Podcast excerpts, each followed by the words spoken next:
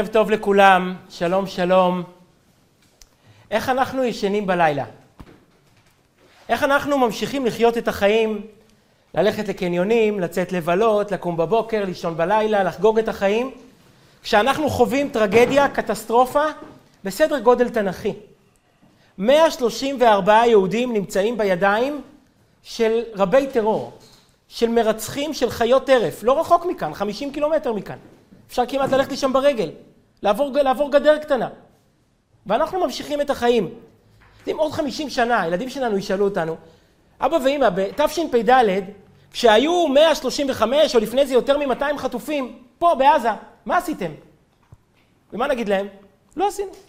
קיווינו לטוב, ציפינו לישועה, שמחנו על הקדוש ברוך הוא, שמחנו על הצבא. זה לא ייתכן.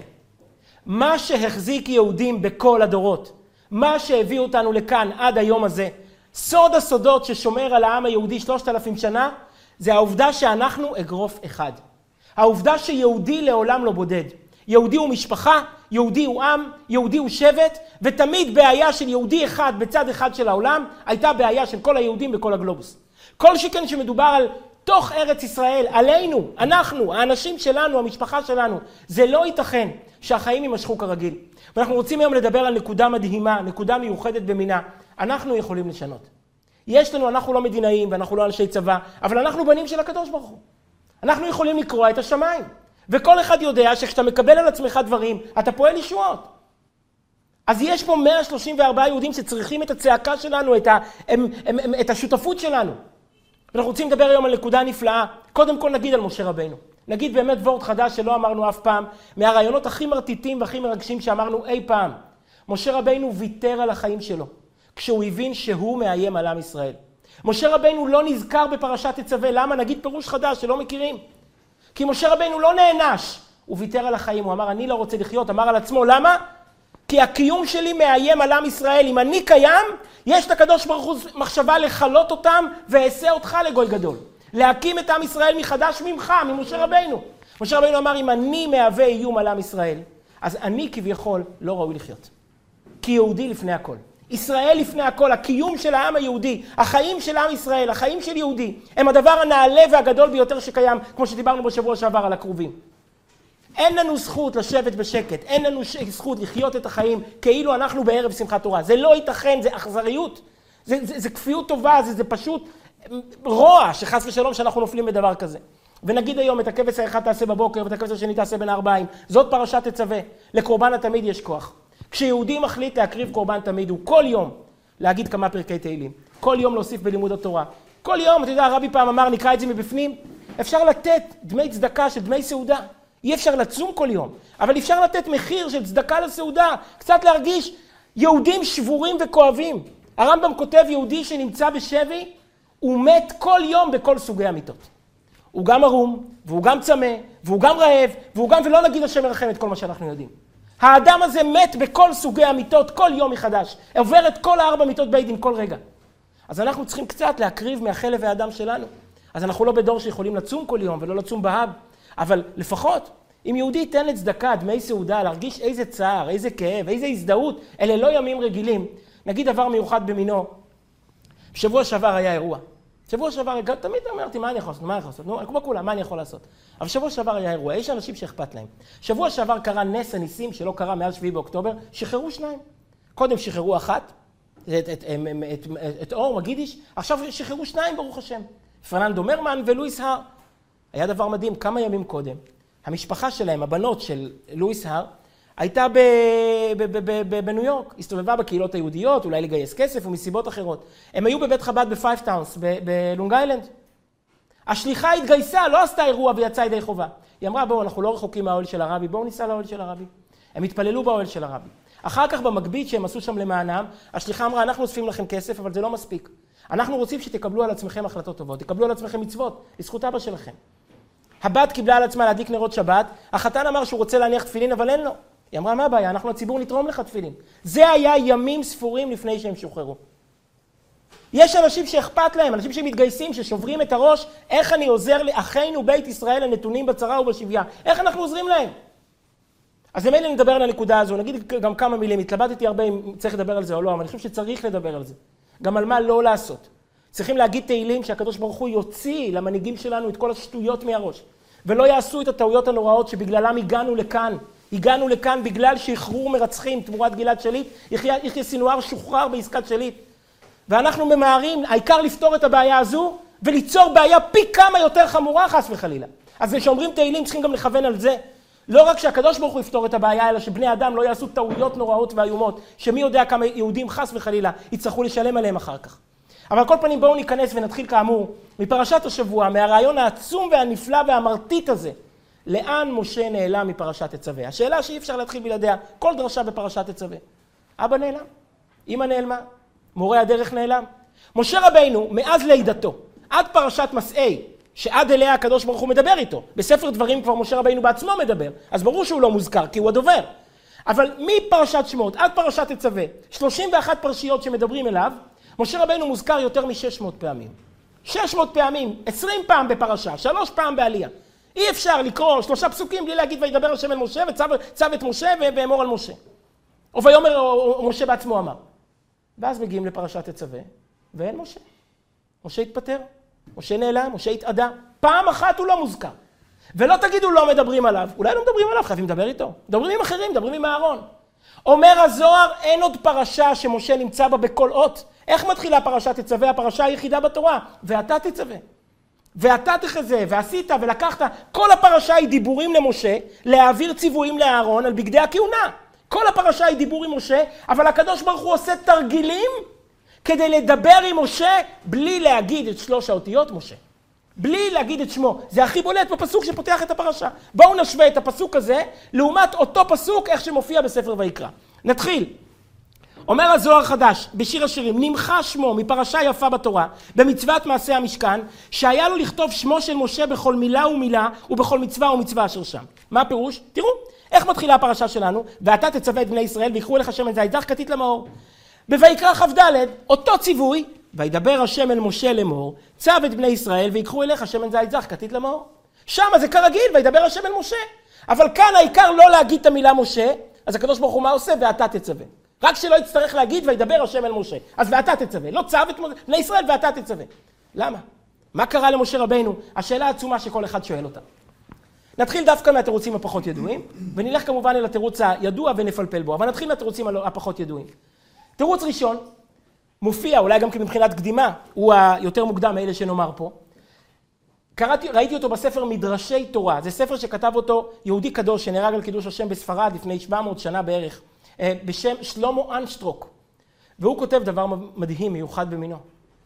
משה פינה את הבמה לאהרון. הפרשה הזו היא הפרשה של אהרון הכהן. משה רבינו רצה להראות שהכהונה שייכת לאהרון בלי שום מעורבות שלו. כאן משה משיב לאהרון על הפרגון שלו אליו.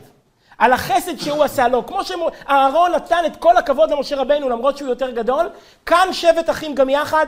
משה רבינו מראה לאהרון, אני שמח בכהונה שלך. אני לא מתערב, אני לא תופס לך את הבמה. את כל הציוויים שאני אומר, אני אומר ככה בלי להזכיר את השם שלי. שיהיה ברור שאתה המרכז. הנה מה טוב ומנעים שבט אחים גם יחד. למה? אומר המדרשי תורה, רעיון מעניין. בעצם משה רבינו היה צריך להיות הכהן הגדול. התוכנית המקורית הייתה שמשה יהיה גם הכהן וגם מוסר התורה. הוא נתן את התורה, אחר כך הוא יכול להפוך להיות הכהן. הוא הפסיד את הכהונה לאהרון. למה? כי כשהקדוש ברוך הוא שולח אותו בסנה ללכת לעם ישראל, מה הוא אומר? מתחיל להעמיס תירוצים, מתחיל להתחמק, משה רבנו לא רוצה במשימה. נכון? דיברנו על זה. מה הטענה שלו? שלח נא ביד תשלח. מה זה ביד תשלח? ביד מי שאתה רגיל לשלוח. הרי יש לך שליח, אח שלי. אני לא הייתי פה 60 שנה. מי התנבא? מי ניהל אותם? מי הנהיג אותם? אח שלי. הוא מרשים, הוא יודע לדבר, הוא מדבר בשפה ברורה ודיפלומטית, תשלח אותו. אמר לו הקדוש ברוך הוא, אתה נותן לי הוראות? אתה נותן לי אדרסים? אז אני אשלח אותו. הוא יהיה הכהן הגדול ולא אתה. זאת אומרת, הכהונה נלקחה ממשה וניתנה לאהרון. כאן היה אפשר לצפות ממשה שהוא דווקא, אתם יודעים, טבע האדם, שדבר שנלקח ממך, אתה אף פעם לא נפרד ממנו. אתה תמיד מרגיש שהוא נגזל ממך, נכון? אז היה אפשר לצפות ממשה רבנו שידחוף את הידיים, דווקא, לפחות ייתן הוראות. לפחות ירגיש שהוא בעל הבית. דווקא בפרשה הזו משה זז הצידה. משה לא נעלם מהפרשה, אלא ביקש לצאת מהפרשה, כדי לתת את הבמה לאהרון הכהן, לומר, אח שלי, אני שמח בהצלחה שלך. אח שלי, אני שמח בכהונה שלך, לא לקחת לי כלום, לא גזלת ממני כלום, אני שמח בלב שלם. עכשיו נבין פסוק שכולנו מכירים, ואף פעם לא חשבנו, מה הפירוש שלו? הנה מה טוב ומה נעים, שבט אחים גם יחד, נכון? תהילים קל"ג, כשמן הטוב על הראש, יורד על הזקן, זקן אהרון שיורד על פי מידותיו. מישהו מבין מילה? הנה מה טוב ומה נעים, שבט אחים גם יחד, כשמן הטוב על הראש, זקן אהרון, יורד על הזקן, זקן אהרון שיורד על פי מידותיו. שואל המדרש, איך נכנס פה זקן אהרון, ולמה שני זקנים? יורד על הזקן, זקן אהרון. אומר המדרש, הנה מה טוב ומנעים שבט אחים גם יחד זה כפשוטו. תראה את האהבה, את הפרגון, את הוויתור, את הערכה בין שני אחים, בין משה, משה ואהרון. שהשמן של המשיכה של הכהנים, שנטף על זקן אהרון, משה רבנו הרגיש כאילו זה נטף על הזקן שלו. השמחה שלו בשמחת אהרון הייתה כל כך גדולה, שהוא לא הרגיש שלקחו לו משהו. הוא הרגיש שנתנו לו, נתנו לאהרון, זה כאילו נתנו גם לו. מה ההבדל? זה שלך שלי, זה שלי, זה אותו הדבר. וכמה זה מרגש, ואני רוצה לדבר על זה באמת, לחדד את זה בשתי מילים, למרות שזה לא הנושא שלנו. דיברנו על זה פעם, שהוויתור של אהרון למשה, זה הוויתור הכי נעלה שיש בתורה. הרי בספר בראשית, כמו שדיברנו פעם, כל הספר זה התקדמות לקראת פרגון. כל ספר בראשית זה ללמוד איך לחיות כאחים. ללמוד איך לשמוח בשמחה של הזולת, בלי לחשוב שדורכים עליך, בלי לחשוב שלקחו לך. כל אחד שישמח בשלו, בנתיב שלו, ויפסיק לחיות בתחרות. זה התחיל עם קין שרצח, זה התקדם לישמעאל שהתנתק, לא רצח, התקדם לעשו שנתן נשיקה, התקדם ליוסף שמחל, ועד מנש, מנשה שלכתחילה לא כועס. חשבנו שזה השיא. מגיעים לתחילת ספר שמות והנה הגיעה הגאולה. אהרון הכהן במשך שנה שלמה הוא מספר שתיים של אח שלו הצעיר. זה לא רק שאהרון שותק כמו שמנשה שתק, הוא לא שולף חרב ואומר לכו ונהרגהו, לכו ונשליכהו, אני אראה לאח שלי הצעיר מה זה, אני אהרוג אותו, הוא לא יקבל את המלוכה, היא תחזור אליי. אהרון הכהן במשך שנה שלמה, במה הוא מתפקד? הוא בסך הכל יועץ התקשורת. הוא הולך עם הטלפון מאחורי משה. משה נכנס, לה... דיברנו על זה, משה נכנס לארמון פרעה, עם הטלית עם העטרה מכסף, נעמד בפני פרעה, מדבר דברים שפרעה לא מבין, גם בהגייה לא ברורה, גם בשפה לא ברורה, גם בשפה שלא מכבדת, שלא דיפלומטית, ואז אהרון מתקדם ואומר, הרב אמר, ומסביר מה הרב אמר. עכשיו, מה אהרון היה צריך להגיד למשה? אולי פעם נתחלף, אולי פעם אני אכנס עם העטרה, ואני אגיד מה הקדוש ברוך הוא אמר לי, ואתה תגיד, הרב אמר. אני יותר מבוגר ממך. למה אני צריך להיות הדובר שלך? אולי אתה תהיה הדובר שלי. למה אני צריך ללכת אחריך? אולי אתה תלך אחריי? אהרון לא אמר את זה. אהרון מביא לשיא, דיברנו פעם שהרמב"ן אומר, מה זה ואהבת לרעך כמוך, וכי אפשר לאהוב את האחר? הוא אומר, ואהבת לרעך כמוך זה לפרגן. זה להפסיק לחשוב כל היום למה אני לא. מה זה למה אתה לא? כי זה לא שייך לך, זה שייך אליו, תשמח בשמחתו. הנה מה טוב ומה נעים שבת לכם גם יחד. זאת פרשת תצווה. פרשה של פרגון שאהרון מקבל מה שבעצם היה שייך למשה. ומשה נותן לו, ואומר, אח שלי, השמן שיורד על הזקן שלך, יורד על הזקן שלי. בשבילי, אם אתה קיבלת, זה כאילו אני קיבלתי, הכל בסדר. זה שייך לך, זה שייך לי, אנחנו שמחים אחד בשמחה של השני. אז זה טעם מרומם מאוד, מרגש מאוד. ורעך ושמח בליבו, לכן הלב אהרון, לכן הלב אהרון נמצא חושן המשפט, כי אהרון הוא הוויתור, ומה היפה פה? שמשה מחזיר לו. זה לא רק שאהרון הוא טוב לב, ומשה הוא בעל גבורות, אתה יודע, חי בעולמות עליונים. משה הוא אנושי, ומשה לא שוכח לאהרון את החסד הזה, ובפרשה שלמה בתורה הוא הולך הצידה. פשוט כי הוא אומר, אח שלי צריך לעמוד במרכז, זה שייך לו. הכהונה שלו, אני לא מתערב בעניינים האלה. מאוד יפה. חשוב לי לנצל את הבמה המכובדת הזאת כדי להודות למאות האנשים. בשלושה שבועות האחרונים הצטרפו להיות מפיצים של אלון פרשה.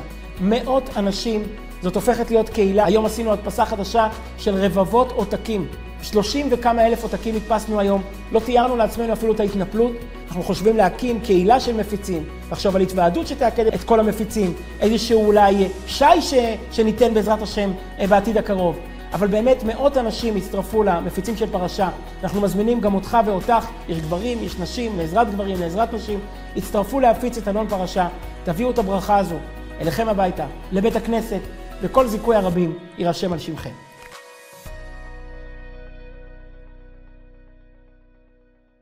אני רוצה להקדיש את השיעור לעילוי נשמת ידידיה מאיר בן תמר רחל גוטווירט, בחור צעיר שהלך לעולמו, וברי ברוך בן דבורה שהלך לעולמו השבוע, שלנשמות תהיה עלייה, וימליצו טוב על המשפחות, לבשורות טובות, לנחת, לבריאות, לכל מה שמבקשים, לגאולה שלמה, לגאולת עולם בקרוב ממש. הדבר השני, רעיון אחר בכיוון אחר לגמרי, אומר המאור עיניים, מאור עיניים היה תלמיד אה, מנחם נחום מצ'רנוביל, אחד מחשובי התלמידים של הבעל שם טוב, מייסד חסידות צ'רנוביל, יש לו ספר חסידות חשוב מאוד, מאור עיניים, והוא כותב רעיון מאוד חסידי והוא מאוד מרגש. משה נעלם כי משה נעלם השבוע. פרשת תצווה אנחנו קוראים אותה סמוך לזין באדר. בשנה רגילה, בדרך כלל באותו שבוע של זין אדר, השנה, יומיים אחרי זין באדר, אבל פרשת תצווה היא תמות סמוך לז' באדר. מה קורה השבוע? משה רבינו נפטר. אז התורה מכבדת את משה רבינו ומוציאה את שמו כדי לרמוז, קרה משהו השבוע, שר וגדול נפל, נפל בישראל, זה שבוע עצוב, שבוע שאנחנו נפרדנו ממשה רבינו, נפרדים ממשה... אגב, יש פה רמז מאוד מעניין, יש שאלה בשנה מעוברת, האם לעשות יורצייט באדר א' או באדר ב', נכון? יש פה יהודים שיש להם יורצייט באדר, תמיד יש את השאלה, מי שנפטר באדר רגיל, איך לעשות? כמדומני שמנהג הספרדים לעשות באדר ב'. אצל האשכנזים יש שנוהגים דווקא באדר א'.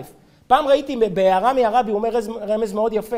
עובדה שפרשת תצווה בשנה מעוברת, פרשת תצווה חלה סמוך לז' באדר באדר א', בשנה מעוברת היא חלה באדר א' סמוך לז' באדר. זאת אומרת שיורצייט שייך דווקא לאדר א', או גם לאדר א', זה רמז יפה מאוד, רמז מעניין, שצריך לדון בו. על כל פנים, אז יש לנו טעם שני שכתוב במאור עיניים, חל סדר תצווה בסמוך לשבוע שחל בזין באדר, ובחינת הסתלקות משה, ולכן לא נזכר שמו בסדר פרשה זו כנסתלק משה. גם כאן אני רוצה לומר תוספת חשובה מאוד, חסידית. אה, הרבי כמובן לא מניח את הדברים, והוא אומר ככה, רגע, הפרשה הזו משה נעלם כי הוא נפטר, אבל משה לא נעלם.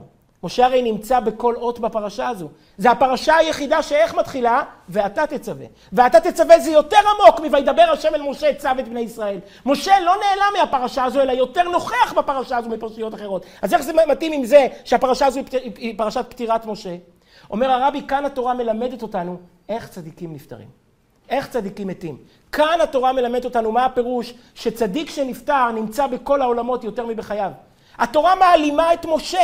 כי משה לא נמצא. משה הגשמי, שאתה קורא לו מוישה, הוא לא עונה, הוא לא נמצא, משה הגשמי כבר לא נמצא. אבל אתה תצווה.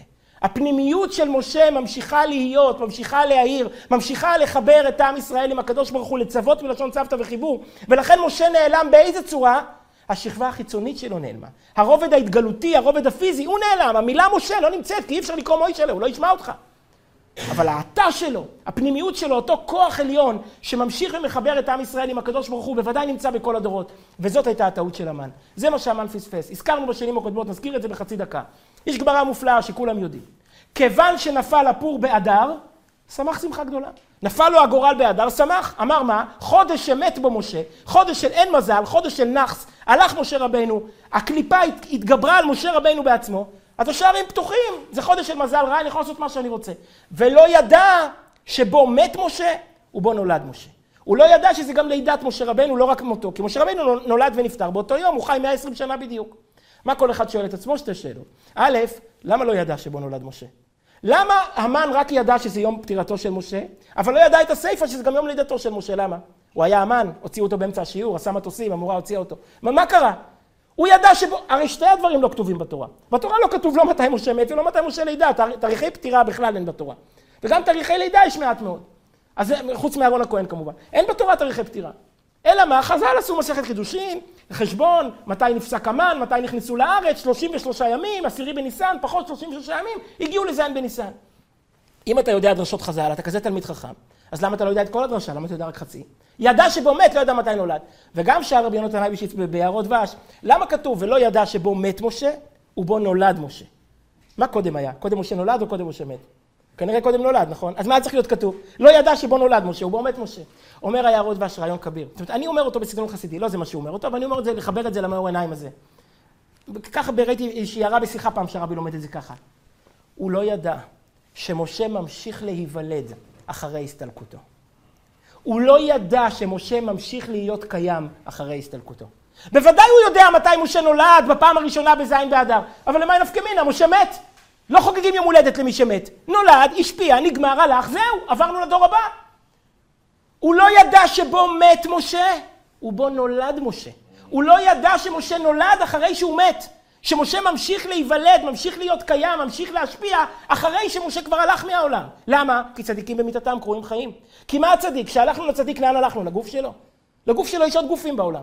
הלכנו לאן? לנשמה שלו, לחיות הרוחנית שלו, לחיבור שהוא, לסולם שהוא יצר בין העולמות. זה לא מושפע מהמוות. המוות הורג את הגוף, המוות לא הורג את הנשמה. המוות לא מרחיק, לא, לא מפריד את הנשמה, לא, קורא, לא מנתק אותנו מהנשמה. עיקר חיי הצדיק הם אמונה, אהבה ויראה. אמונה, אהבה ויראה לא נגמרת בפטירה שלו. במילא התורה רומזת על כל זה. מצד אחד משה נעלם בפרשת תצווה. מצד שני הוא יותר נוכח בפרשת תצווה. לא בצורה פיזית, גלויה, מוחשית, אלא בצורה של ואתה, בצורה פנימית. ואת זה המן פספס, וזאת הייתה הטעות שהביאה לסוף שלו, כשהוא לא הבין שבו נולד משה, שהזכות של משה רבינו ממשיכה להגן ולשמור ולהציל את עם ישראל, ובמילא התגברה גם על הפור שלו, על הגורל שלו, וז' באדר ניצח את י"ג באדר, את הפור שהוא קבע. אז זה הטעם השני. טעם ראשון, משה נעלם לפרגן לאהרון, טעם שני במישור אחר, לרמוז לפטירת משה, ומפה אנחנו מגיעים לטעם העיקרי שכולם מכירים, וזה המטרה של השיעור שלנו. כמובן, בעל הטורים, תחילת פרשתנו, אומרת הדרשה שכל יהודי תעיר אותו באמצע הלילה, הוא יודע את התשובה. למה משה נעלם? עונש. כי משה הוציא מילים לא מתאימות מהפה. כי מילים נוטות להתקיים. בפרשה הבאה, משה רבינו שומע, רואה את חטא העגל. הוא שומע שהקדוש ברוך הוא אומר, הרף ממני ואשמידם, הרף ממני ואכלם, חבורה של בוגדים, של עלובה קלה שמזנה תחת חופתה. ארבעים יום חלפו ממתן תורה, שלושה חודשים מיציאת מצרים, הגננת הלכה לש... לשש שעות, הולכים ועושים עגל זהב, אין לי מי לדבר, אין לי מי לעבוד, חבורה של כפויי טובה, אני הולך לכלות אותם. משה שומע את זה ואומר פסוק מדהים. פרק ל"ב, פסוק ל"ב, פרק לב, פסוק לב. ואתה אם תישא חטאתם, ככה קוראים בדרך כלל את הפסוק, ואתה אם תישא חטאתם בסדר, אם תרחם עליהם בסדר, נושא עוון ועובר על פשע, ואם אין, מחנינה מספרך אשר כתבת. יהיה משה על הקדוש ברוך הוא, אם אתה מוחה להם, הכל טוב, ממשיכים הלאה. אם אתה הורג אותם, אני לא רוצה להיות חלק מהסיפור הזה. אני לא רוצה ששמי יוזכר בתורה שמספרת על סופו של עם ישראל, שמספרת על ההרג של עם ישראל, על חילול השם הנורא הזה, מה יאמרו האבות, למה יאמרו מצרים. לכאורה, הקללה של משה לא התקיימה, כי הקדוש ברוך הוא הקשיב לו. אז מה היה צריך להיות? למחוק את כל הקללה הזו. אומר בעל הטורים, אה, אני הבאתי את הפרט הזה דווקא לא מבעל הטורים, אלא מ... הוא אומר גם את הפרט הזה, קללת חכם אפילו על תנאי בה מתקיימת.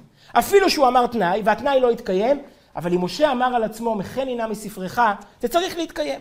למה זה יתקיים בפרשת תצווה? הרי פרשת תצווה נאמרה עוד לפני הקללה, הקללה תאמר רק בפרשה הבאה.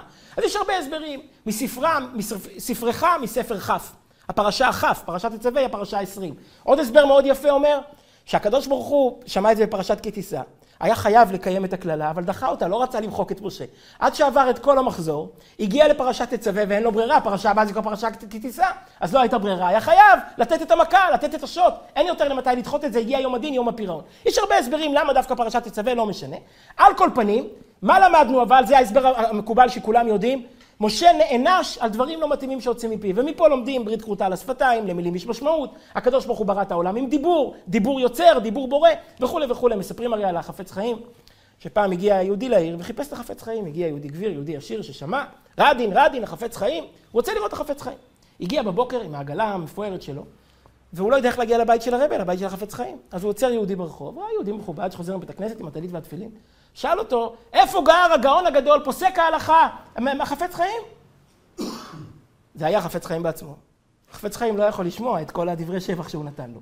אז הוא אומר, החפץ חיים גר בבית ממול, אבל לא צריכים להגזים, הוא לא, בסדר, יהודי טוב. הוא שמע דבר כזה. אני בא מהקצה השני של אירופה בשביל לפגוש, ופה יהודי מהעיירה, בטח כמו בכל מקום, יש מחלוקת, לרבנים אויבים מסתתרים מתחת לבית. הוציא את השוט והניף אותו באוויר. בערב הוא נכנס לחדרו של החפץ חיים. והוא רואה שהרבה שהוא הגיע לכבודו זה חס ושלום הרבה שהוא היכה אותו היום. הוא, הוא לא ידע איזה קפדה. חפץ חיים אומר לו, אל תתבייש, למד, למדתי ממך הלכה חשובה שלא ידעתי, עסקתי בהלכות שמירת הלשון, לא כתבתי אותה. שאסור לאדם לדבר לשון הרע גם על עצמו. וואו. אני ידעתי שלשון הרע אסור להגיד על אחרים, מתברר שאסור לאדם להגיד לשון הרע על עצמו, אתה מזיק לעצמך לא פחות, הנה חטפת מכה, חטפתי מכה. וזה משל ברוחניות, שכשאדם אומר ברית כורתה על השפתיים, למה אומר הזוהר, כבר לא היה לי מקום, לצערי לא הבאתי את זה, שכשאדם אומר משהו, יש מלאך ששומע. ואחר כך המלאך משתמש במילים האלו. אתה אומר חס ושלום, מגיע לי עונש כזה, מגיע לי עונש כזה. מחר יבוא המלאך ויגיד לקדוש ברוך הוא, הנה, גם הוא אמר. גם הוא אמר שמגיע לו. המקטרג משתמש בהודעת בעל דין, מה יותר חמור מהודעת בעל דין? כמאה עדים דמי. אז ברית כורתה על השפתיים, המילים פועלות בעולם. במילא משה נעלם מפרשת תצווה לומר לך, תיזהר על הפה. גם אם אתה עושה תנאים, אם ומה וזה. זה ההסבר הידוע של הבעל הטורים, כולם מכירים איתו מתחיל את הפרשה. אני אבל רוצה ללכת להסבר נוסף. סוף סוף ההסבר של בעל הטורים מאוד קשה, כמו שכל אחד חושב. זה לא הוגן. משה רבנו אמר את זה על תנאי, נכון? הוא אמר, אם תישא חטאתם, הכל בסדר, אני לא רוצה להימחק. רק נשק יום הדין, אם לא תישא חטאתם, אז תעניש אותי. ומה קרה? הקדוש ברוך הוא התחשב בתנאי שלו, נכון? ויאמר השם, סלחתי כדבריך. השם אומר, אני מתרשם ממך, אני מתרגש מהמכפתיות שלך, המסירות שלך מנצחת הכעס שלי. אז למה מגיע לו להיענש? הוא הרי אמר את זה על תנאי. היה צריך להיות שהיות שהתנאי לא התקיים, מה זה קללת חכם אפילו על תנאי באה מתקיימת? למה? הוא אמר את זה על תנאי. תכף שאני אגיד לך, אם אתה לא עושה כך וכך, אני לא נכנס אליך הביתה. והוא עשה, עשית את מה שביקשתי, התרשמת, אתה רוצה שאני כן אכנס אליך. לא, אני לא יכול להיכנס כי אמרתי. לא נכון, לא אמרת. אמרת שאם לא תעשה, אבל, אבל כן עשית. אז, אז למה מגיע למשה עונש כזה? באמת, הבעל הטורים חסר עוד נדבך אחד. רוצה להגיד לכם וורט. כאן נולדת מהפכה. הוורט הזה הוא לא וורט רגיל. הוא לא וורט שאפשר להגיד אותו בסתם יום. צריכים להגיע לסיפור של החטופים בשביל להגיע, להגיד וורט כזה. הרבי הביא פעם הערה מאבא שלו. וכששומעים את הוורט הזה, מבינים איך נולדה אהבת ישראל. איך נולדה מהפכה כזאת של קירוב לבבות, של מסירות נפש בשביל כל יהודי בקצה העולם.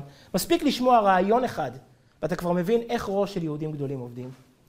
הרבי הביא פעם ראייה מאבא שלו, שאבא שלו אמר ככה, הגאון המקובל רבי לוי יצחק שניאורסון, שבעצמו היה סמל של גבורה, של אהבת ישראל, שנהרג בידי הקומוניסטים הארורים, בידי ארץ גזרה בקצה העולם, בגלל אכפתיות לעוד יהודי ועוד מצווה ועוד לימוד תורה. תשמעו מה היהודי הזה פירש. הוא אומר, זה לא היה עונש, זה הייתה בקשה של משה רבינו. זה היה פסק דין שמשה רבינו גזר על עצמו, שלא מגיע לו לחיות. לכן הוא אומר, צריכים לקרוא את הפסוק כפשוטו. ואתה, אם תישא חטאתם, ואם העין, מחן הנה מספרך. בין אם תישא חטאתם, בין אם לא תישא חטאתם. אני כבר לא רוצה להיות חלק מהתורה. אני לא ראוי להיות חלק מהתורה. למה? כי משה רבינו שמע דברים מבהילים. הוא שמע שהוא המועמד להחליף את עם ישראל. מה הקדוש ברוך הוא אמר לו? יש כמה מילים קודם שלא שמנו לב אליהם, נקרא אותם מבפנים. בפרשה הבאה, הקדוש ברוך הוא אומר למשה, אני הולך להרוג אותם. כן, אז מה יהיה? אתה הרי שואל, מה האבות יגידו? מה יגידו הגויים? למה יאמרו מצרים להרוג אותם בערים, לכלות אותם מעל פני האדמה? אומר הקדוש ברוך הוא למשה רבינו, יש לי תוכנית. ואעשה אותך לגוי גדול. יש לי תוכנית להתחיל הכל מחדש ממך. אתה, הזרע שלך משובח, הגנים שלך משובחים, נתחיל מחדש את עם ישראל ממך, הנה כולם כפויי טובה. משה רבינו שומע את זה. הוא מבין שהוא גורם לאב האמינה לפגוע בחיי ישראל. הוא גורם לאב האמינה לחשוב שיש תחליף לעם ישראל, תחליף יותר מוצלח, יותר משובח, ילדים של משה רבינו. אומר משה רבינו, אם תישא חטאתם ואם אין מחנינה, אני כבר לא ראוי לחיות. החיים של יהודי הם יותר גדולים מכל דבר בעולם. כשיהודי שומע שפוגעים בחיים של יהודי, הוא אמור לצעוק ולצרוח עד קצה, עד קצה הכוחות. אין דבר כזה שכל כך הרבה יהודים יהיו בסכנת חיים, ואנחנו אוכלים סושי. מה אני יכול לעזור? אני לא בצבא, מה אני יכול לעזור? פירוש שאתה לא בצבא, אתה בצבא של הקדוש ברוך הוא. תקום ותצעק אם זו הייתה צרה שלך, היית שותק, היית מרעיש את כל העולם. אין אצל יהודי צרה שלי וצרה שלו. כולנו אחים, כולנו משפחה אחת, צרה של אחד היא צרה של כולנו. במילא יש לנו כניסה לעניין הזה מפרשת השבוע. אומר לנו הגאון, אני רוצה לספר על זה סיפור. יש משפחת אדמו"רים חשובה, משפחת סלונים. היה אחד האדמו"רים הקודמים מסלונים שהוא היה רב, אני לא חושב שהוא היה אדמו"ר, הוא היה רב ברוסיה. וגם הוא סבל מהקומוניסטים, ונשלח כמובן לארץ גזירה, נשלח למחנה עבודה. הוא לא היה במחנה עבודה בסיביר, הוא היה במקום יותר קל קצת, יותר נעים, שהחיים עוד איכשהו היו סבירים. הוא הכיר שם איזה יהודי אחר מבוגר, שלא היה אדם דתי, אבל הם מאוד התיידדו, שני יהודים יחד, הנשמות מתחברות. שבת אחת קוראים להם למפקד שם, למפקדה של המחנה, ואומרים להם שהחליטו לשחרר אותם. כי יש לחץ של אסירים, יש הרבה אסירים מגיעים, אין, אין מספיק מקום, אז מדללים, משחררים אותם. נותנים לאדמו"ר מסלונים, נותנים לו את הטופס, ואומרים לו, תחתום ולך הביתה. הוא אומר, אני מצטער, אני לא חותם, זה שבת היום, ואני לא יכול לחתום. הפקיד ידע קצת, אומר לו, מה זה שבת? זה פיקוח נפש? זה מסוכן, אתה חייב ללכת מפה. הוא אומר, זה לא פיקוח נפש, אני לא אדם מבוגר, יש לי פה מה לאכול, בשבילי זה לא סכנת נפשות להיות פה, אני לא רוצה לחלל את השבת. נו, הוא מעביר את העט ליהודי השני. היהודי השני לא היה אדם דתי, אבל הוא התבייש, הוא עכשיו ראה מסירות נפש, ראה אדם שמוותר על ההצלה בשביל שבת, נו, הוא יחתום? אז הוא החזיר את העט ולא חתם. לקח האדמו"ר מסלונים את העט ואמר, אני אחתום. בשבילו זה פיקוח נפש לצאת. הוא יהודי מבוגר. אני בשבילו חייב יותר ממה שאני חייב בשביל עצמי. בשבילו זה פיקוח נפש לצאת, אני אחתום בשבילו. מצווה בגדול, אני אחתום בשבילו. הפקיד ראה את זה, לקח את העט ואמר, יהודים זה היה משוגע, תצאו שניכם, אני אחתום בשבילכם. זה יהודי. משה רבינו אומר, אין מושג כזה, אני את המשפחה שלי הצלתי. מה פירוש? המנהיג נועד בשבילם, לא להחליף את העם. המנהיג נועד לחנך את העם, לא לייצר זרע יותר משובח של העם הזה. זה מה יש, ואיתו ננצח. ועם הזה מה יש הזה, זה, מסירות, זה החובה של כל אחד מאיתנו בימים האלה לחשוב מה הוא עושה למען יהודים אחרים שצריכים את רחמיו, צריכים את, ה, את העזרה שלו. נקרא רק את הקטע המופלא הזה במובא מספר 2, התוועדויות הרבי תשמ"ט ב 383. פתגם אבי אדוני ז"ל שעל דרך הרמז יש לפרש את הפסוק ככתבו. בין אם תישא חטאתם ואם אין, מחנינה. בגלל הכוסל כדאיתך דדעיך רפי בהם ואעשה אותך לגוי גדול. היינו שמציאות משה אפשרה כוסל כדאיתך הנ"ל, ולכן גם אם תישא חטאתה מכהנינה, שמזה מובן עוד יותר גודל המסירות נפש למשה לישראל, אומר הרבי לכן הפסוק, ואם תישא חטאתם ואם אין מופיע איפה? שמות ל"ב, פסוק ל"ב, וגם הדף בגמרא שמדבר על הסנגוריה של משה לקדוש ברוך הוא, נתת להם כסף וזהב, מה אתה רוצה שהם לא יחטאו? הוא בברכות ל"ב. זה רק הלב של משה רבינו. זה למעלה מטעם ודעת. מהיגיון לא היה מגיע פסוק כזה, תהרוג אותי, אני לא רוצה להיות בתורה שלך. אתה משה רבינו. כל הדורות ינשקו אותך ביחד עם התורה. משה מוותר על הכל. משה מוותר על כל מה שהוא קיבל, כדי שהחיים של יהודי אחד לא ייפגעו, כי הוא יודע. הוא נמצא בשביל ישראל, התורה נמצאת בשביל ישראל, הכל נמצא בשביל ישראל. אין לנו עם אחר, אין לנו עם יותר טוב. העם הזה צריך להיות יותר טוב, ובשביל זה צריכים להתפלל. להעיר על דרך הרמז במקום אחר כותב הרבי, ליקוטי שיחות ל"ד 221, הערה 40. להעיר על דרך הרמז מפרשת תישא פרק ל"ב פסוק ל"ב, ובגמרא ברכות ל"ב. פסוק המורה על מסירות נפש של משה לישראל, שהיה קודם אפילו למסירותו לתורה. טוב, אז זה משה רבינו, מה זה קשור אלינו? אז, אז זה חובה של כל אחד מאיתנו. אני רוצה לפתח נקודה מאוד מיוחדת שנוגעת להלכה ממש. יבוא יהודי ויגיד, מה אתה רוצה מהחטופים? נו, אין לי מספיק בעיות עם עצמי, אני עם אשתי לא מסתדר, עם הילדים שלי לא מסתדר, יש לי מספיק בעיות עם השכנים שלי, עם, עם המוסך, עם האוטו, עם העבודה, מוצף בעיות מכל הכיוונים, רק החטופים עכשיו. איך אנחנו מחליטים מה שייך אלינו? זאת שאלה מאוד גדולה בחיים. הרי איפה שיש יהודים מבקשים צדקה, נכון? איפה שאתה רק בא, מבקשים צדקה, מבקשים עזרה, מבקשים סיוע, בגוף, בממון ובנפש, נכון? אתה מתנדב בגוף. כל אחד, במה שהוא רק מתנדב, מבקשים עזרה. מרובים צורכי עמך. איפה שיהודים הולכים, מרובים צורכי עמך, נכון? איך הסיפור הזה הרי על הכומר, שפעם בא לרב, ואומר, רבי, יש אצלנו מכת גנבות, מה עושים? יש לכם אולי ליהודים איזה סגולה, איזה עצה? אומר הרב, יש לנו סגולה טובה, יש לנו מזוזה על הדלת, זה שומר, זה מערכת הגנה, שומר על הדלתות. אומר הגוי תביא לי, אומר הכומר תביא לי מאה חתיכות, תביא, זה מסדר את זה. הושיב הרב את כל הסופרים בעיירה, כתבו לו מאה מזוזות, לקח. אחרי שבוע חוזר, מחזיר את כל המזוזות. שואל אותו הרב למה, לא, לא עובדת הסגולה? הוא אומר עובדת, הגנבים הפסיקו לבוא, אבל שנוררים התחילו להגיע. איפה שיש יהודים, ברוך השם מבקשים עזרה, מרובים צורכי עמך טוב מאוד, זו תכונה שאנחנו משתבחים בה. אבל אי אפשר לפתור את כל הבעיות בעולם. המשאבים שלנו מוגבלים. ולכן השאלה היא, האם הנושא של החטופים שייך אליי? אולי זה לא שייך אליי, זה שייך לרמטכ"ל, שייך למי שמקבל משכורת בשביל לפתור את הבעיה הזו, שייך לראש הממשלה. לא שייך אליי, אני יהודי פשוט. איך אנחנו מחליטים איזו צרה שייכת אלינו? אנחנו בערב פורים, רוצה לפתח נקודה מיוחדת שראויה לעניין בפני עצמו, כי אחד המקורות החשובים שלה זה ממגילת אסתר. יש פסוק בתורה, זה חוק יהודי, חוק שלא מקובל בחלק גדול מהמדינות המתוקנות בעולם, הוא לא מקובל, אבל זה חוק יהודי.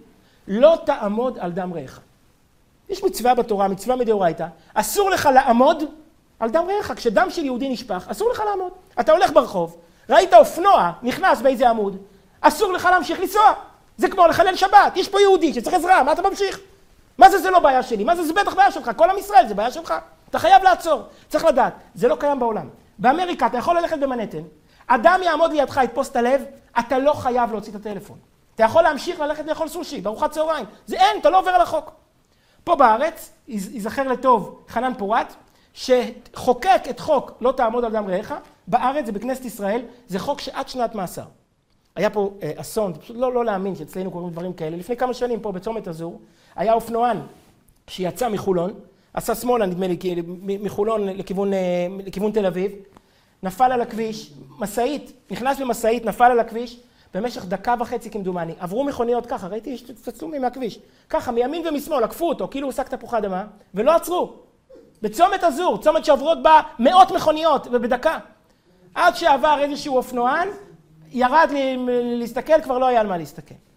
לא תעמוד על דם רעך, יש חוק. הלכה, ברמב"ם, אין אף אחד לא חולק על ההלכה הזאת. עכשיו, רש"י מוסיף שתי מילים, שהמילים האלה הן קריטיות. הן מחברות את המצווה אלינו. רש"י נקרא מובאה מספר 3, רש"י כותב, מה זה לא תעמוד על דם רעך? לראות במיטתו ואתה יכול להצילו. אסור לך לראות במיטתו כשאתה יכול להצילו, אתה חייב לעצור, ולא לראות במיטתו, אלא, אלא לגרום שלא ימות, שלא, להציל אותו. מה כל אחד שואל? מה זה לראות במיטתו? מה זה משנה אם ראיתי? הבעיה היא לא לראות ולשמוע מותר, ואם אני מסובב את הראש, אז אני לא עובר על לא תעמוד על דם רעך. מה זה בשמירת העיניים? אסור לך לראות במיטתו? מה רש"י היה צריך להגיד? לא תעמוד על דם רעך, לא תהיה אדיש. בראייה, בשמיעה, בדיבור, בהליכה, בטלפון ובכל תחום, בכסף, בכל תחום אפשרי. לא תעמוד על דם רעך, אסור לך לראות במיטתו כשאתה יכול להצילו, אתה חייב להציל אותו, שלא ימות. מה רש"י נכנס פה לראייה? שמעו וורט. הרבי אמר פעם, רש"י אומר לך, אם ראית, זאת הבעיה שלך. איך אני יודע מה הבעיות שלי בחיים? מה שראיתי. אם אני קורא בעיתון על פליטים בדארפור, זה לא הבעיה שלי. יש בעיה עכשיו בקהילה אחרת, זה לא הבעיה שלי, אני עיר לך קודמים, אתה צריך לדאוג לעיר שלך, לא לדאוג לעיר אחרת. אבל אם ראית, הקדוש ברוך הוא זימן לך שיהודי מתקשר אליך ומבקש עזרה. ההשגחה מדברת אלינו דרך ההזדמנויות שנופלות לנו בידיים. איך יהודי שומע את הקדוש ברוך הוא היום? אה, אין, אין לנו קרובים, יאשיהו גנז את הקרובים. הוא לא מדבר אלינו מבין הקרובים, ונועדתי לך מבין הכפורת. איך הוא מדבר איתנו היום? דרך הסיטואציות, דרך ההזדמנויות. מה שנופל לנו בידיים זה קריאה מלמעלה, תעשה משהו. אומר לך רש"י, מה מחייב אדם בחיים? העיניים שלו. אם לא היית עובר פה ולא ראית, נו לא ראית, אתה רוצה עכשיו לצאת מהקצה השני של המדינה, ללכת להציל תאונות באילת. אבל עברת פה בכביש ונופל אופנוע לידך, מה אתה ממשיך? זה קרה לידך, לא דקה לפני ולא דקה אחרי, זאת אומרת שזה האירוע שלך, זה המקרה שלך, אתה חייב להתגייס ולעזור לעשות את זה. מי אומר את זה מדהים? מרדכי היהודי. מה הוא אומר לאסתר? אסתר הרי טוענת טענות טובות מאוד. מה היא אומרת? היא אומרת, אני לא נקראתי למלך לעבוד ל-30 יום. היא אומרת, אני לא השליח. כי לי מסוכן ללכת, והיא צודקת. היא אומרת, אני הרי נשואה למלך משוגע, למלך מטורף. למי אני נשואה? אני נשואה לאדם נורמלי? אני חיה בכלוב של זהב, אני כאילו מלכה. את האישה הקודמת הוא הרג, את האישה שהוא אהב, האישה שהפכה אותו למלך, שהפכה אותו למה שהוא, הנסיכה, הבת של בלשצר. הוא הרג באבחת שכרות. אז אני, הסופית, שהוא לא יודע את עמי ואת מולדתי, לו בעיה להרוג אותי, הוא לא צריך שיכור בשביל להרוג אותי, הוא פשוט יהרוג אותי. כל עבדי המלך יודעים, אשר איש, כל איש ואישה אשר יבוא אל המלך אשר לא כדעת אחת אותו להמית, ואני לא נקראתי לבוא המלך, 30 יום הוא לא קרא לי. הראש שלו במקומות אחרים, אז מה אני אכנס אליו? וכל אחד מבין את מה שהיא לא אומרת. היא הרי מעלה צעקה עצומה. עד עכשיו באונס, מעכשיו ברצון, איך אני יכולה להביא? אני, יודע, אני יודעת מה הוא מבקש ממני? המלך הגוי הזה. אז עד עכשיו הוא הכריח אותי. אבל עכשיו אני פעם ראשונה הולכת אליו מרצון. ויש מילים נוראות, אסתר הרי מסכמת. ובכן אבוא אל המלך אשר לא כדעת, ואיך היא מסיימת? וכאשר עבדתי, עבדתי. למה היא כזאת רואת שחורות? למה היא כזאת פסימית? תקווי לטוב, טראחט גוט, תחשבי טוב. כי אסתר שילמה את המחיר. הרי יש דעה אחת בגמרא שאסתר הייתה אשתו של מרדכי, ולא רק בדודו של מרדכי. ואסתר כבר לא חזרה למרדכי יותר, כי אחרי שהיא הלכה אל המלך מרצונה, היא כבר לא יכולה לחזור אל גוף קדוש כמרדכי. רגע, הגמרא אומרת שנולד להם ילד, מלאחשוורוש נולד ילד מאסתר, שהוא אחר כך הורה לבנות את בית המקדש, להמשיך את הבנייה של בית המקדש, כן? השני, שהורה להמשיך לבנות את אחרי ההפסקה של כורש הראשון, להמשיך לבנות את בית, המדרש, את בית המקדש. אסתר שילמה מחיר נורא. אז איך מרדכי שולח אותה? מה נותן לו את ההיתר? מה הוא אומר לה? מתפרץ עליה במילים נוראות. אל תדמי בנפשך להימלט בית המלך מכל היהודים. כי אם אחרי שתחרישי בעת הזאת, רווח והצלה יעמוד ליהודים ממקום אחר. ואת ובית אביך תאבדו. אנחנו נסתדר, אנחנו תמיד מסתדרים. את תשלמי, את תמותי, את בכל מקרה לא תצאי בהצהרה הזאת. הלו, הלו, הלו, מרדכי. ככה מדברים לאישה? ככה מדברים לבת דודה? ככה מדברים למלכת פרס? אנחנו נסתדר, ומי יודע אם לעת כזאת הגעת למלכות? מה, מה אתה מתנפל עליה? הרבי אמר פעם, בפורים תשכ"ב, מרדכי נותן לנו פה את המדד, איך אדם יודע מה השליחות שלו, איך אדם יודע על מה להיאבק בחיים. מרדכי אומר לה, לעת כזאת הגעת למלכות, את לא מבינה שאת פה? אם את פה, זאת אומרת שזאת השליחות שלך, יש לך הרבה בעיות, הרבה תירוצים, הרבה שאלות, הרבה ספקות. לא אני, זה לא המקרה שלי, זה לא אומר מה שמתיר לי. אז למה את פה? איך קרה שמכל נשות העולם ארבע שנים מחפשים למלך מלכה? מחפשים לו מלכות מהודו ועד כוש? כל הגויות לא מתאימות לו. דווקא זאתי האסופית, שהוא לא יודע את שמה ואת מולדתה, שגם הייתה אישה מבוגרת לפי החשבון בגמרא, היא זאת שנושאת חן בעיניו. איך זה קרה? את לא מבינה שלעת כזאת הגעת למלכות? ששמו אותך פה? זה מה שמחייב יהודי. למה לא לעשות? יש מספיק הסברים. לכל אחד יש הסברים למה לא לעשות. למה כן לעשות? כי אתה פה. כי מישהו שם אותך פה. כי אתה ראית את זה. אם אתה ראית את זה, העיניים שלך מחייבות אותך. העיניים שלך מקשרות בין האירוע לבינך. הן קושרות את האירוע הזה אליך. בהזדמנות אחרת הרבי אמר עוד דבר מאוד יפה. אצל הרבי כמובן שתפיסת השליחות היא הרי הכל. אז הוא אמר עוד דבר מאוד יפה. הוא אמר זה מסביר את יוסף הצדיק. יוסף הצדיק יוצא לא טוב. הוא יושב שם עם שני האיכרים האלה, שר המשקים ושר האופים בכלא, קמו בלי מצב רוח, מה הוא שואל אותם? מדוע פניכם רעים היום? תגיד, יוסף הצדיק, אין לך מה לעשות בחיים? לא הורדת לכלא איזה משנה ברורה, איזה ספר טניה, אגרות קודש, משהו. מה אתה יושב שם? כל אחד, מדוע פניך רעים היום? זה מה שיוסף עשה כל היום. הלך מאסיר לאסיר בבית הכלא ובדק את המצב רוח שלהם. אח שלי, איך היה הלילה שלך? מדוע פניך רעים היום? אתה לא יודע למה פניהם רעים? למה איפה הם? בארמון המלך? הם בבור הכלא. למה שפניהם לא היו רעים? משהו טוב להם בחיים. מדוע פניכם רעים? מה חלמת? אומרים לו, חלמנו חלום רע. אם לי היו אומרים, חלמתי חלום רע, מה הייתי אומר? נו, שוין, ספרו לי את החלום. מה חלמתם? שומע את כל הפרטים, פרשה ארוכה בתורה, יותר מ-20, יותר ארוך בעשרת הדיברות. מה שמה החלום? ומה אני אפתור לכם? תגיד לי, יוסף הצדיק, אין לך מה לעשות לפתור חלומות של שני... מה הם חלמו? אדם חולם ביום, בלילה, מה שחשב ביום. אתה יכול לתאר לעצמך, שני... הם גויים כאלה, מה חשבו כל היום בבור הכלא? אתה יכול לתאר מה חלמו בלילה. מה מעניין? לא מה חלמו ולא מה פתרת. מה זה מעניין? מה מדובר על חלום של יעקב אבינו? על והנה סולם מוצב ארצה? מה כל הסיפור הזה? הרבי אמר פעם רעיון מרטיט. הוא אמר, יוסף קם בבוקר וראה אותם שפניהם רעים. אז הוא שאל את עצמו, למה ראיתי את זה? אם ראיתי את זה, זה קריאה, תתעניין, תגלה אמפתיה. יוסף לא הלך כל היום בבור הכלא מאסיר לאסיר במצרים ושאל כל אחד, היי אח שלי, איך החיים, איך הלילה שלך? לא, ממש לא, זה לא יוסף הצדיק הבטלנות הזאת. אבל אם יושב אדם ישן איתך בתא, הקדוש ברוך הוא גלגל את שר המשקים ושר האופים להיות איתו בתא, ויוסף קם בבוקר וראה שהם בלי מצב רוח. אז הוא אומר, למה ראיתי? למה ראיתי? כי צריך לעשות משהו, כי צריך לשאול, למה אתה נראה ככה? מה קרה לך?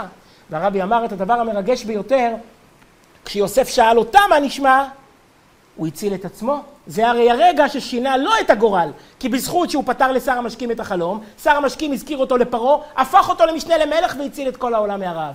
איך כל העולם משתנה? עם יהודי אחד ששם לב מה קורה סביבו. איך אתה משנה עולם? שמסתכל על החבר, והחבר מסתכל על החבר, והחבר מסתכל על החבר, והמצווה גוררת מצווה, אז הוא יוצר את עולם חדש, של אכפתיות וסולידריות, ואהבה ואחווה, ודברים משתנים. אז אם כן, תגידו לי, איזה דבר אנחנו יותר רואים מהסיפור של החטופים? הרי כל מהדורת חדשות נפתחת עם זה, כל מהדורת חדשות מסתיימת עם זה. לא מפסיקים לדבר על זה, הם כולם כקורבנות ציבור לאריכות ימים ושנים טובות. כולם במקומנו הלכו לשם, כל אחד מאיתנו היה אמור להיות שם היום. הם קורבנות ציבור במקומנו. אם זה לא שייך אלינו, מה כן שייך אלינו? מה זה סיפור שקורה, אני לא יודע איפה, עם הפליטים באפריקה? זה אחינו בשרינו שנמצאים שם כקורבנות ציבור במקום כולנו, אם, אם, אם המחבלים היו יכולים, הם מגיעים גם לראשון. אבל היות שהם היו עסוקים בניר עוז, אז הם לא הגיעו לראשון, בזכות זה. אז זה בוודאי בעיה שלנו. לא תעמוד על דם רעך לראות במיטתו ואתה יכול להצילו. ולכן כל אחד צריך לשאול את עצמו, מה אני עושה למענם? אני אציע איזשהו רעיון, אבל זה לא משנה, כל אחד שיחשוב לבד. מי שרוצה להגיד פרק כ', מי שרוצה להגיד פרק צ', מי שרוצה להגיד פרק ק'. אבל העיקר להגיד משהו, שתהיה איזושהי אכפתיות וצעקה בלב, זה לא יום רגיל. אמרתי לפני שאני הולך לסוף ולהגיד את הרעיון, שמה שהרבי הציע פעם בהקשר אחר, איזה פרקי תהילים להגיד, רוצה להגיד עוד נקודה אחת שחייבים לדבר עליה, גם שלא תצא טעות. יש לנו תקדים איך משחררים חטופים. צריכים גם לדבר על מה לא עושים. המלחמה הראשונה בהיסטוריה היא להציל חטופים. היהודי הראשון שיוצא למלחמה, אברהם אבינו, על מה יוצא? להציל את האחיין שלו, להציל את לוט. ואיך אברהם מציל אותו? דיברנו על זה, רק בדרך של מלחמה. אברהם היה יכול לשלם כופר, אולי צריך לשחרר אסירים, היה יכול לשלם כופר תמורת לוט. לא עולה בדעתו, הם לקחו בכוח, הם ישלמו בכוח. עכשיו, זה נושא מאוד מאוד מעניין. הנושא הזה, האם אפשר לשחרר אה, חטופים תמורת, אה, תמורת כסף, או, או כל שכן תמורת רוצחים? אני רוצה לומר משהו. אני לא פוסק הלכה, אני לא מדבר פה עכשיו בשם רבנים, אני אומר דעה של אדם ישר. מי שרוצה לחלוק עליי, שיחלוק עליי. אני אומר דברים של שכל ישר. קודם כל, זו סוגיה מאוד מעניינת. האם, תקרוא החלון, קודם כל זו סוגיה מאוד מעניינת. האם לשחרר חטופים תמורת אה, כסף, קודם כל? אז קודם כל צריכים לדעת שזאת שאלה שנשאלה בכל הדורות, זו לא שאלה חדשה. שאלה שהמשנה והגמרא כבר עסקו בה, למה? כי זה גורלנו. בכל הדורות חטפו יהודים, בכל הדורות חטפו אנשים לעבדות. אז זה מאוד מעניין. המש, המשנה במסכת גיטין אומרת, אין משחררים את השבויים יותר מכדי דמיהם.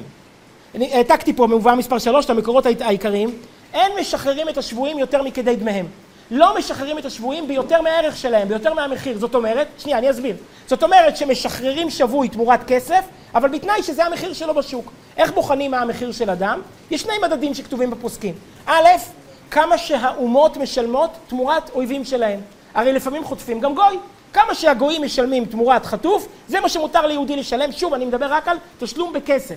מדד שני, כמה שמשלמים בשוק העבדים.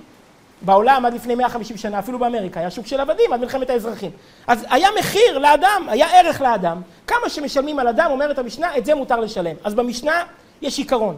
מותר לשלם עד דמיו, לא יותר מדמיו. משלמים כן, משחררים כן, בכל מחיר לא. זה עיקרון ראשון. למה, אגב, הגמרא שם אומרת מסכת גיטין מ"ה? שני טעמים. א', לא לעשוק את הציבור, וב', לא להרבות את התיאבון. אם הם יקלטו שיש פה מסחר קל, חוטפים יהודי באמצע הרחוב, מעלים אותו על האונייה, לוקחים אותו לקצה השני של, של אירופה, יבואו יהודים, ישלמו עליו כל מחיר שידרשו, למה לא? כסף קל, כסף זול מאוד, מה יותר קל מדם של יהודי? אז אומרת הגמרא, משלמים, החיים שלו יקרים לא יותר מכדי דמם. מצד שני, יש גמרא אחרת, שהגמרא אומרת שבמקום של סכנת נפשות, משלמים יותר מכדי דמיו. גמרא, מסכת גיטין, דף נ"ח, אמר רבי יהושע בן חנניה, זה, זה סיפור שם בסוגיה של החורבן, שרבי יהושע בן חנניה הולך ברומא, ורואה בכלא ילד יפה עיניים. מתוך בור הכלא הרומי, הוא רואה ילד יהודי יפה עיניים. רבי יהושע בן חנניה לא ראה את העיניים, ראה את החוכמה, חוכמת אדם תאיר פניו, הוא הבין שיש פה נשמה גבוהה. העיניים העידו על נשמה נאצלת, על נשמה קדושה. אז הוא שואל אותו פסוק, מי נתן יעקב למשיסה וישראל לבוזזים? הילד אומר, הלא השם זו לו. עונה את המשך הפסוק. הבין שיושב פה, בן עלייה. אמר, איך הלשון שלו אני רוצה לדייק? שבועה שאיני זז מכאן עד שאפדנו בכל מקום שפוסקים, בכל ממון שפוסקים עליו. זאת אומרת שבמקום של סכנת נפשות, לא בשוק של עבדים, אלא בכלא של רומי שמסוגלים לעשות כל דבר לשבויים, פודים אותו בכל מחיר. למה? כי אין ערך לחיים. החיים שווים יותר מכסף, החיים שווים יותר מדמים. יותר מזה אומר תוספות טעם שגם נוגע לימינו מאוד, הוא אומר, אלה לא צריכים לשב... סיבות לשבות. הם בכל מקרה ישבו. אז את הטעם הזה, שאם תעלה להם את המחיר, זה יעלה להם את התיאבון, אומר תוספות, זה לא שייך במקום של שבעים מקצועיים, ולכן נשחרר אותו.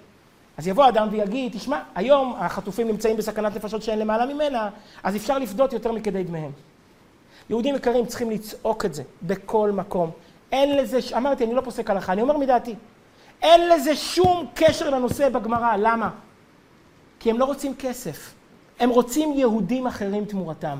זה מה שצריכים להבין. הם לא מבקשים ערבים, הם לא מבקשים מחבלים.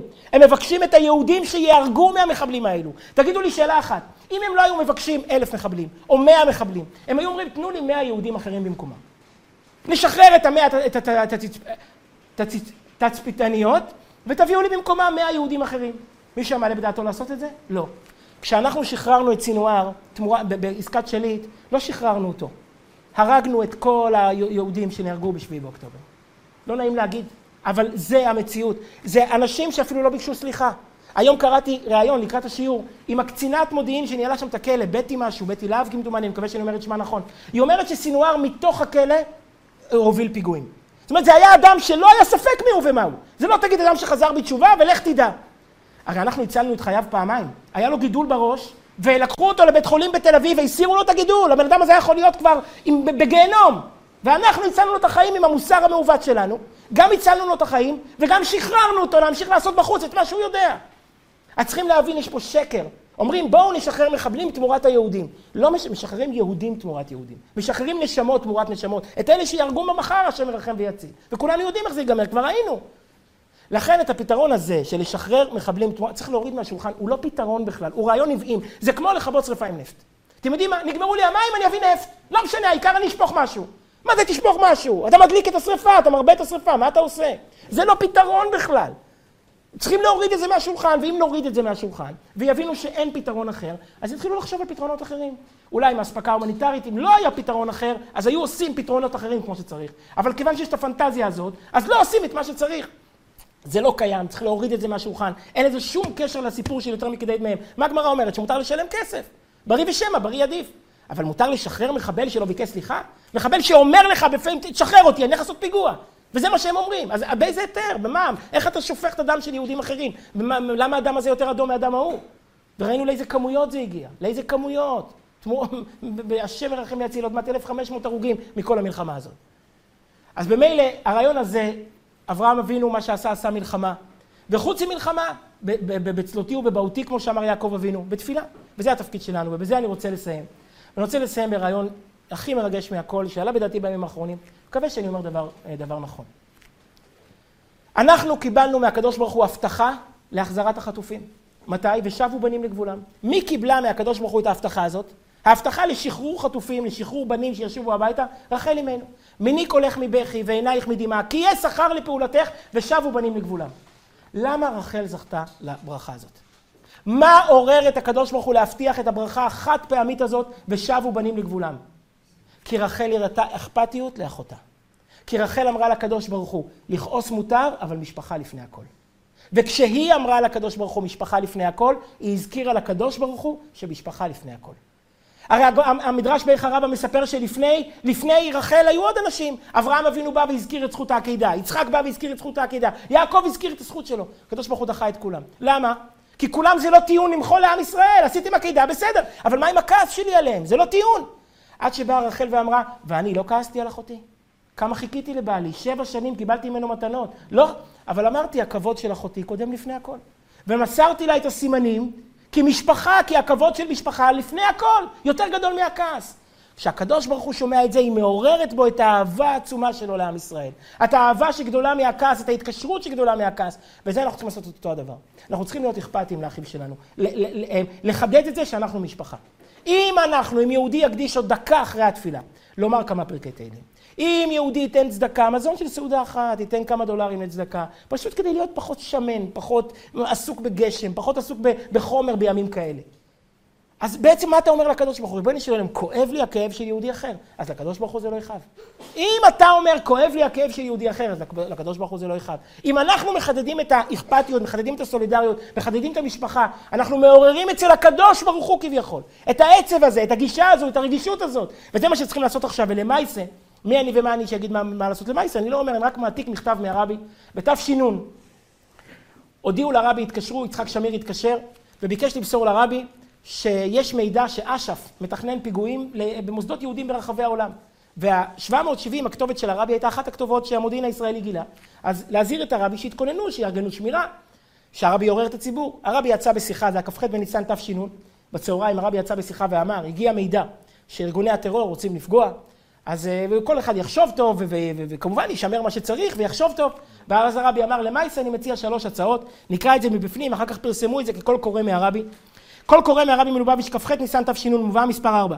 כדי להוסיף בברכתם ובשלוותם ובביטחונם של כל בני ישראל בכל מקום שהם שליטה, ובפרט שיש אומרים ששונאי ישראל זוממים עניינים בלתי רצויים, היה לא תהיה, ובוודאי שמחשבתם תתבטל ותעקר מעיקרא לגמרי, ויהיה אך טוב לישראל, הצעתי ובקשתי, שכל אחד ואחת מישראל, אנשים, נשים וטף, יוסיפו בלימוד התורה כל אחד ואחת לפי עניינו, בתפילה, אמירת ג' מזמורי תהילים, ומה טוב גם המזמור האחרון שסיומו כל הנשמה תהלל קהל אלוקה. הרבי אמר, אני לא אומר איזה פרקי תהילים, רק שאחד מהם יהיה ק"נ. האחרון. לפני זה, איזה שני פרקים שכל אחד נראה לו, ובצדקה, לתת לצדקה הוצאות של מזון שתיים או שלוש סעודות במקום תענית, וכתבו הרבנים בארצות הברית שהם כשלוש דולר לסעודה, לתת כמה שקלים, דמי סעודה אחת. להראות לקדוש ברוך הוא, אני קצת מוריד מהחלב והדם שלי, מהעונג שלי, מהגישום שלי, כי ליהודי אחר כואב, כי יהודי אחר מצטער. אז אמרנו, אנחנו לא אנשי צבא, אבל אנחנו בנים של הקדוש ברוך הוא, חייבים לצעוק, חייבים לעורר רחמי שמיים, אי אפשר להישאר אדישים שכל כך הרבה יהודים נמצאים בצרה כזו, זה אחת מהקטסטרופות הנוראות ביותר בהיסטוריה של עם ישראל. יהודים לא נמצאים בידיים של מלוכה, בוודאי גם בבבל היו גולים וברומא, אבל פה זה לא בידיים של מלוכה. זה בידיים של חיות טרף, בג'ונגל של אנשים שלא ראויים לתואר אדם. נמצאים שם בנים, בנות, איך אפשר לחיות, לישון בלילה כשחושבים על זה בכלל? אז מילא המינימום הזה שכל אחד ייקח על עצמו, כמה פרקי תהילים, לתת לצדקה, להוסיף בתורה כל יום, וכמו שאמרנו, פרשת תצווה, פרשת השבוע אומרת, את הכבש אחד תעשה בבוקר, ודיברנו על זה פעם, שכל זמן שהוקרב התמיד, לא חרב בית המקדש. כל זמן שהיה לעם ישראל את הקביעות הזו של התמיד, עד 17 בתמוז המקדש לא חרב. שלוש שנים, שנתיים וחצי של, קיבו, של אה, מצור, מעשרה בטבת. עד 17 בתמוז לא חרב המקדש. מה קרה ב-17 בתמוז שנפלו החומות? דיברנו פעם. הגויים היו מעלים לכהנים כל לילה שני כבשים. בשביל, היה מצור, לא היו בעלי חיים כבר, הכל נגמר. אז היו זורקים להם בבוקר, מורידים קופה עם, עם כסף, עם זהב, והכהנים, והגויים היו מכניסים כבש, או שני כבשים, והכהנים היו משלשלים אותם למעלה. פעם היה, עבר שם מפקד הצבא, ושאל ממ"ד, לא, דיברו, איך היהודים מחזיקים מעמד כל כך הרבה? אז אמר להם איזה זקן, כי מעלים להם את הקמע כל לילה, מעלים להם את הכבש, את הקורבן, שהוא שומר עליהם. אמר, נחליף את הקורבן. ובמקום כבשים שמו, שמו שם שני חזירונים. והם העלו את ה... הורידו את הכסף, את הכסף והעלו את הקופה עם הכבשים, וכיוון שנעץ החזיר טלפיו בחומת ירושלים, הזדעזעה החומה ת"ק פרסה על ת"ק פרסה, ובאותו היום, בפעם הראשונה לא הקריבו תמיד, ובאותו היום נפלו החומות. כל זמן שיש ליהודי את הקביעות הזאת, את הכבש אחד תעשה בבוקר, את הרגע הקבוע שכל יום ויום הוא נותן לקדוש ברוך הוא לזכותם ולהצלתם ולרווחתם של אלה, אז הן כאל כביר לא ימאס תפילת רבים. לא ימאס את ההקרבה שלנו, את האכפתיות שלנו, את הצעקה שלנו. ונזכה כבר במהרה ממש לראות באמת בגאולת עולם, להם לחטופים, להצלחה לחיילים שיסיימו את המשימה וישובו לשלום לביתם. ונזכה כולנו לגאולת עולם, אנחנו בחודש של מזל, חודש של ניסים, שגאולת פורים תהפוך כבר לגאולת עולם בקרוב ממש, יישר כוח.